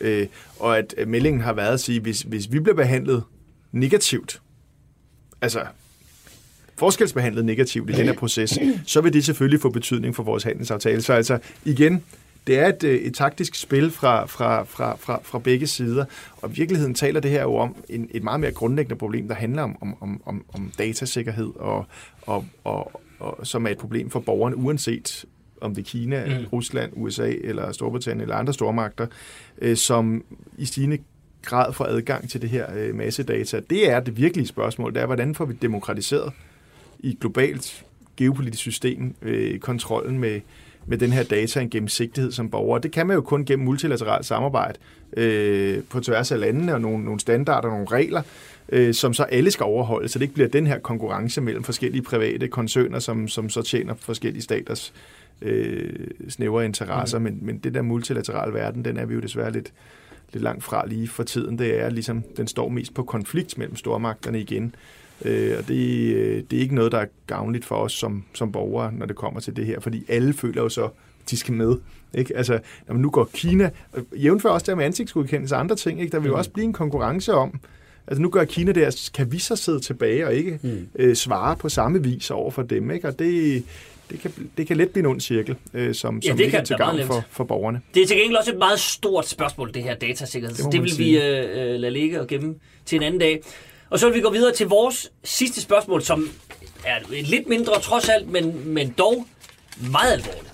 Det tager udspring i den øh, såkaldte sag om, og der skal jeg sige, formodet svindel. Der er jo ikke nogen, der er dømt endnu, men det ser ikke alt for godt ud. Svindel i forsvaret. Øhm, og hvis jeg sådan lige skal øh, ganske kort riste op, så handler det om, at øh, der er foregået i hvert fald uregelmæssigheder. Så tror jeg ikke, jeg har sagt for meget. I Forsvarets ejendomsstyrelse. Der er 450 sager nu, som bliver undersøgt. Der er øh, tegn på millioner af kroner i decideret bestikkelse. Der er nogen, der har fået bygget øh, en, en tilbygning til deres private hus. Øhm, og det handler i sådan i korte træk om, at der har været en uhensigtsmæssig tilgang til pengene, forstået på den måde, at øh, samme person i ejendomsstyrelsen mod reglerne har kunnet øh, afgive en bestilling og betale for den. Der plejer ligesom at være vant til det skåret mellem det, men det øh, har simpelthen sejlet. Øh, ydermere har øh, forsvarsminister Trine Bramsen intet vidst indtil, altså jeg tror det var 18 timer før sagen begynder at rulle, bliver hun informeret om det. Og det er altså en sag, der ruller så langt tilbage, at det er ikke engang hende, der burde være øh, informeret om det i første omgang. Det var Claus Hjort, altså den forhenværende forsvarsminister, som burde være informeret om det her. Øh, departementchefen i øh, Forsvarsministeriet dækker sig ind under en synes denne formand i hvert fald, lidt besynderlig forklaring om, at han har modtaget en mail om det, som han ikke kunne læse på sin telefon, fordi det er en fortrolig mail, og den kan man ikke læse på håndholdte devices. Så glemmer han at læse den, da han møder ind på kontoret næste dag, og, der, og så er den væk. Altså det er hans forklaring. Så derfor ved han ikke noget om det. Så er der en koncerndirektør. Nu, bliver, ja, nu tager vi lige det her, fordi så har vi lige det hele med, også for lytternes skyld. Så er der en koncerndirektør, som godt har kendt til det, men åbenbart har forsømt at sige det til departementchefen igennem længere tid. Øh, Rigsrevisionen indleder på et tidspunkt for noget tid siden en undersøgelse af de her forhold. De kan godt mærke, at der er et eller andet galt her. Øh, der er åbenbart ingen i Forsvarsministeriet, der sådan rigtig reagerer på, at den her undersøgelse er på vej. Og så er der en intern rapport i Forsvarsministeriet, helt tilbage fra februar, som viser, at man altså har dækket over de her manglende kontroller. Man konstaterer, at der er manglende kontroller, men vælger så den lidt besynderlige taktik, at man til Sydlandet siger, at der er et eller andet, der sejler lidt her. Det skal vi nok få rettet op på, men vi giver ingen bemærkninger i mm. rapporten. Vel sagtens i den tro, at man får styret rettet op på det her. Der er ingen grund til at, at blande andre ind i det. Det ved jeg ikke. Altså, øh, mm. Det er sagen, som den står lige nu. En ret sparet affære, og den kommer jo på bagkant af øh, sager med manglende kontrol i Socialstyrelsen, hele det her øh, Brita-forløb, som vi har hørt meget om, øh, Atea-sagen, hvor der var bestikkelse øh, mod offentlige embedsmænd. Altså, det er vel tegn på et lidt større problem, det her, Sonja Mikkelsen med nogle kontroller i det offentlige, som, som ikke har det alt for godt. Ja, øh, det kan man sige. Øh, nu har jeg jo selv blandt andet en fortid i HK, mm-hmm. øh, og øh, op igennem nullerne, der blev der fyret rigtig mange HK'er i staten. Øh, og det HK'erne lavede i staten var blandt andet kontroller. Øh, og det var helt almindeligt, at det var HK'erne, der havde de der roller mm. øh, med at betale fakturaerne og bestille tingene og så videre, men det var aldrig den samme person. Nej. Det var simpelthen delt op. Øh, men, og det skal det jo heller ikke efter reglerne være nu. Altså det er fordi, man... Ja, ja, det men, sejler. Men, men jeg tror, mange steder, der har det været sådan, at man simpelthen har stået over for at skulle få øh, øh budgettet til at hænge sammen. Man skulle levere ind til finansloven, og der var en forventning om, at der skulle spares øh, et, et eller andet øh, procentdel hvert år på administrationen. Hvor er det så nemt at spare, når man er djøffer og sidder som leder? Ja, det er på de der HK og administrative funktioner. Og jeg tror, det er der skaden er sket. Det er fuldstændig ligesom i skat. Man har troet, at man kunne spare, spare, spare, spare, uden at det fik nogle konsekvenser. Men det her, det har bare gjort, at de brødne kar, der så måtte være, de har fået adgang til at udøve deres øh, kriminalitet i, øh, i øh, statslig regi, fordi mm. kontrollen er svigtet. Det er den ene øh, ting. Det andet, det er jo, at man har også flyttet fokus fra administration til det mere strategiske niveau. Det vil sige, de ledelsesmæssige opmærksomheder, er flyttet væk fra øh, det, det rene driftmæssige, mm. og så flyttet op til det mere strategiske og mere politiske, øh, politiske arbejde, som øh, foregår op i ledelseslaget i forhold til for eksempel Finansministeriet og, og egne ministerier. Øh, og, og det betyder, at interessen for det her med at holde, at holde styr på den yderste krone i sådan en driftsmæssig sammenhæng, det har der ikke været for, ledelses, øh, for ledelsesmæssige hold i, igen mange år. Sådan oplever jeg det. Mm. Øh, og, øh, det er sjovt at lave sådan nogle HR-strategier. Ja, og, og alt muligt. Store politikpapirer og sådan noget. Ja, ja. Også, I stedet for at, at, at holde øje med, at, øh, at bogholderiet faktisk kører, og at øh, det foregår efter reglerne, og at regnskabsinstruksen er på plads. Men hvis, hvis ansvar er det, at, øh, at man ender der? Det er da et ledelsesmæssigt ansvar, men det er da også et politisk ansvar, ja. fordi Nå, det, man har fjernet penge. Hvis, hvis man ser, at ledelsen flytter sit fokus fra ja hvad skal man sige, deres egentlige arbejde, driften, ja. og at den ja. her butik, den kører, ja. og til at man sidder og tænker store tanker. Det tror jeg, jeg tror alle sammen, vi har været på en arbejdsplads på det. Ja, eller i højere grad det er sket. skal position, Jeg nævner ingen, men jeg kan da hoste Danmarks Radio. Ja, men eller, altså, eller i højere grad har skulle positionere sin egen styrelse, eller hvad det nu har været, Præcis. sin egen butik i forhold til øh, de øvrige, fordi det hele tiden er en prioritering, og man er i konkurrence med, mm. med nabostyrelsen i det samme ministerium. Så man har brugt kræfterne på ligesom at være udenrigsminister for sit eget øh, system, end med, med, med at være øh, intern orienteret. Ja. Øh, og, og det opstår jo som følge af et, et, et meget stort pres øh, på, øh, på finanserne. Det er der ingen tvivl om. Mm. Og det har, jeg tror, det er det, man ser nu, at, at så opstår de her muligheder for at begå svindel, og så er der nogen, der ikke kan nære sig. Mm. Jo, men den, den slags brødende kar er der jo altid, og det er derfor, man har de her kontrolinstanser, netop for, præcis. at vi aldrig får Kommer ud, i den situation. Vi, præcis, men, men, men det handler jo om, at der er jo altid nogen, der de der mennesker er, er der jo, og derfor skal man have de her kontrolinstanser. Det var Præcis. Blot. Der skal nok komme en ny Brita på et eller andet tidspunkt. Spørgsmålet er, hvornår vi kan få hende stoppet. Pelle Dragsted, hvad, hvad, hvad skal man gøre herfra? Jeg kan konstatere, at øh, Venstre har meldt ud, at øh, man vil oprette en arbejdsgruppe, som blandt andet skal kuglegrave alle styrelser og ministerier. Mm. Øh, er det planen nok? Altså, jeg synes, altså, jeg synes sådan set, det er fornuftigt nok at få kigget på, om, om der er andre steder, hvor man ikke følger reglerne. Altså, det, det, det, det ville jo være uheldigt, hvis man om to år øh, røg ud en lignende skandale og fik at vide, at øh, sådan har man altså også kørt det på andre af statens områder, hvor mm. der købes ind for rigtig mange penge. Vi skal forsvarsområdet er et af de områder, hvor der virkelig er store statslige indkøb. Øh, så derfor er det næsten svært at afvise, synes jeg, at man skal kigge på, om, om, om tingene går efter bogen derude. Det er ikke det samme, som jeg synes, man skal sætte gang i sådan alle mulige nye projekter, fordi at det, det er offentligt sådan set belastet nok af i forvejen, mm. men man kan godt lige få, få kigget efter, om der er lignende problemer andre steder. Øhm, det er jo sådan lidt, det udfordrer vores selvbillede, det her omkring det her ikke korrupte land, øh, at vi har de her sager, hvor, hvor, hvor det her sker, og jeg tror, det er rigtigt, hvad Sonja peger på, der er nogle strukturelle årsager. Jeg tror så også, at Forsvarsministeriet er, eller forsvarsområdet, øh, der har vi jo altså set en række skandaler gennem mange år, der tyder lidt på, at man har været sådan lidt øh, en stat i staten på en eller anden måde. Vi havde Jærbo-sagen, hvor man lavede en falsk øh, oversættelse, mm-hmm. og altså vi havde fangesagen, hvor øh, pludselig alle de der rapporter, der kunne have vist, hvad der skete, de var sjovt nok blevet væk i Forsvarsstyrelsen, øh, og, og jeg har selv beskæftiget mig en del med, med området, og der har altså været en usund kultur øh, på det område, øh, for at sige det som, som det er. Øh, og det er måske, du ved, øh, det, man er ude på skarpe opgaver, vi har et særligt, særligt rolle, vi tager, sætter livet på spil, og derfor så øh, kan vi måske også være lidt mere øh, så som så med de her ting. Så jeg tror, jeg tror, der er nogle udfordringer for Forsvarsministeriet, som, som man nok bør kigge øh, særligt på i det hele taget. Der handler lidt om, om kulturen mellem ministerier mm-hmm. og styrelse, mm-hmm. og øh, ja, øh, øh, de, øh, øh, altså herrens operative kommando og de andre, jeg kan ikke huske, hvordan det er, det præcis øh, er inddelt nu, men, men der har været rigtig mange sager gennem tiden, som, som kunne tyde på en kultur, som, som man skal kigge på. Okay. Øh, ja, Arvind Vesselbo, Ja, altså, der er jo ingen tvivl om, at der er blevet skåret ned, også på HK'erne og på, på også andre øh, poster øh, i ministerierne. Men det er ikke noget argument i sig selv for, at der sker de her ting, der sker. Fordi der er et ledelsesansvar her, og jeg kender den sag fra Socialstyrelsen umådeligt godt. Jeg har fulgt den igennem mange, mange år, og nu også her, da det blev opklaret, hvad det egentlig var, der skete. De her chefer, departementcheferne, direktørerne, som de kalder sig nu, øh, afdelingschefer osv., kontorchefer, de får fantastiske høje lønninger ja, i, i forhold til så mange andre mennesker. Mm.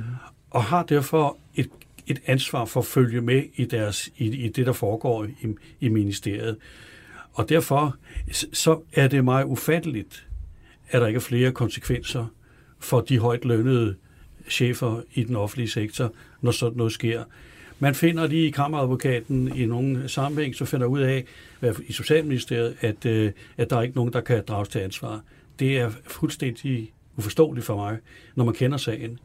Øh, og det der med at lave en det der med at lave en, sådan en tilbundsgående undersøgelse af alle styrelser og ministerier, det mener jeg er, det, det, det er, det er en forkert måde at gå ind i det på, fordi hvis man kender lidt til det her, så ved man godt, hvilke dele af ministerierne og styrelserne, hvor man sidder med nogle midler, som der er nogen, der bare sidder i gåsøjne og udbetaler. Mm. Øh, og derfor så skal man ind de steder, for eksempel i Beskæftigelsesministeriet og Sundhedsministeriet, som også jo har haft det her øh, penge for satspuljen.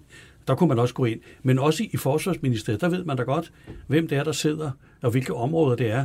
Man behøver i hvert enkelt ministerie, der er nogle løse, lidt løse penge, som bliver, som, som bliver udbetalt på grund af noget ansøgning. Der er også nogle penge, som bliver udbetalt, hvor man kan følge det meget tæt. Altså det, der er, der er det vigtige her, det er jo, at dem, der har der har ledelsesansvaret, at de er deres opgave voksne, og hvis de ikke er det, så skal det selvfølgelig have konsekvenser.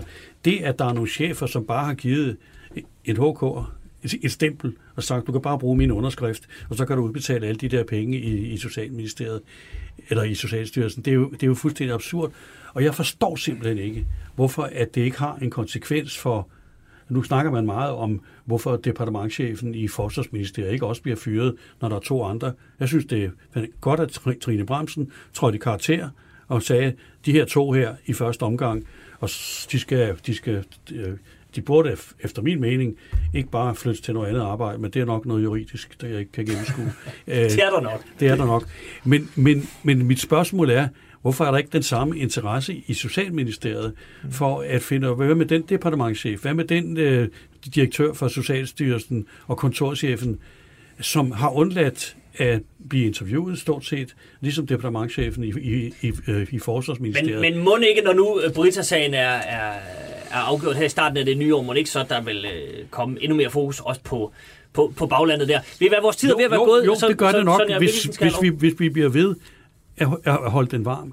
Fordi hvis ikke den bliver holdt varm, så er det kammeradvokatens rapport om, at der, der ikke er nogen, der kan, der kan øh, lastes, der, mm. øh, der står på magt. Jeg lover dig, her Vesselbo, vi holder den varm her, ja. også i det nye år. Det kan jeg forsikre dig. Sonja Mikkelsen, du får den sidste øh, kommentar her. Jeg er fuldstændig enig med Eivind i, at det her det skal selvfølgelig have konsekvenser for de ledere, der ikke har været deres opgave voksen. Øh, fordi det hører jo med til at have sin ledelse. Øh, det er jo, at man også holder styr på sin butik og ikke bare har interessen for, hvad der sker ligesom uden om butikken, men det er faktisk butikken, man skal passe. Mm-hmm. så det er jeg fuldstændig enig med, med Eivind i. Øh, og jeg, jeg tror ikke, vi har set den sidste fyring i, øh, i forsvarssammenhæng. Det, det tror jeg ikke. Øh, men, men, øh, men øh, der er jo nogle øh, rettigheder knyttet til den enkelte ansættelse, som man bliver nødt til at respektere. Så lad os nu bare se, det her det er første skridt, så lad os se, hvad der kommer. Og jeg tænker også, at man bliver nødt til at følge op i, social, øh, i Socialstyrelsen. Mm. Det bliver man nødt til. Det, det, det glæder mig at høre. Må, må ikke også det sker? Altså, jeg ved godt, at man, man aldrig skal sige aldrig også, men, men altså, jeg vil næsten tro det. Det er i hvert fald et øh, fromt ønske, som vi vil sende afsted her, som det sidste ønske fra det gode gamle Folketing. Vi går nemlig på oh, ja. juleferie nu, så tusind tak til Pelle Dragsted, tak til Sonja Mikkelsen, og tak til Eivind Vesselbo. Tak til dig, fordi du lyttede med. Rigtig god jul, godt nytår, og øh, på genhør i 2020.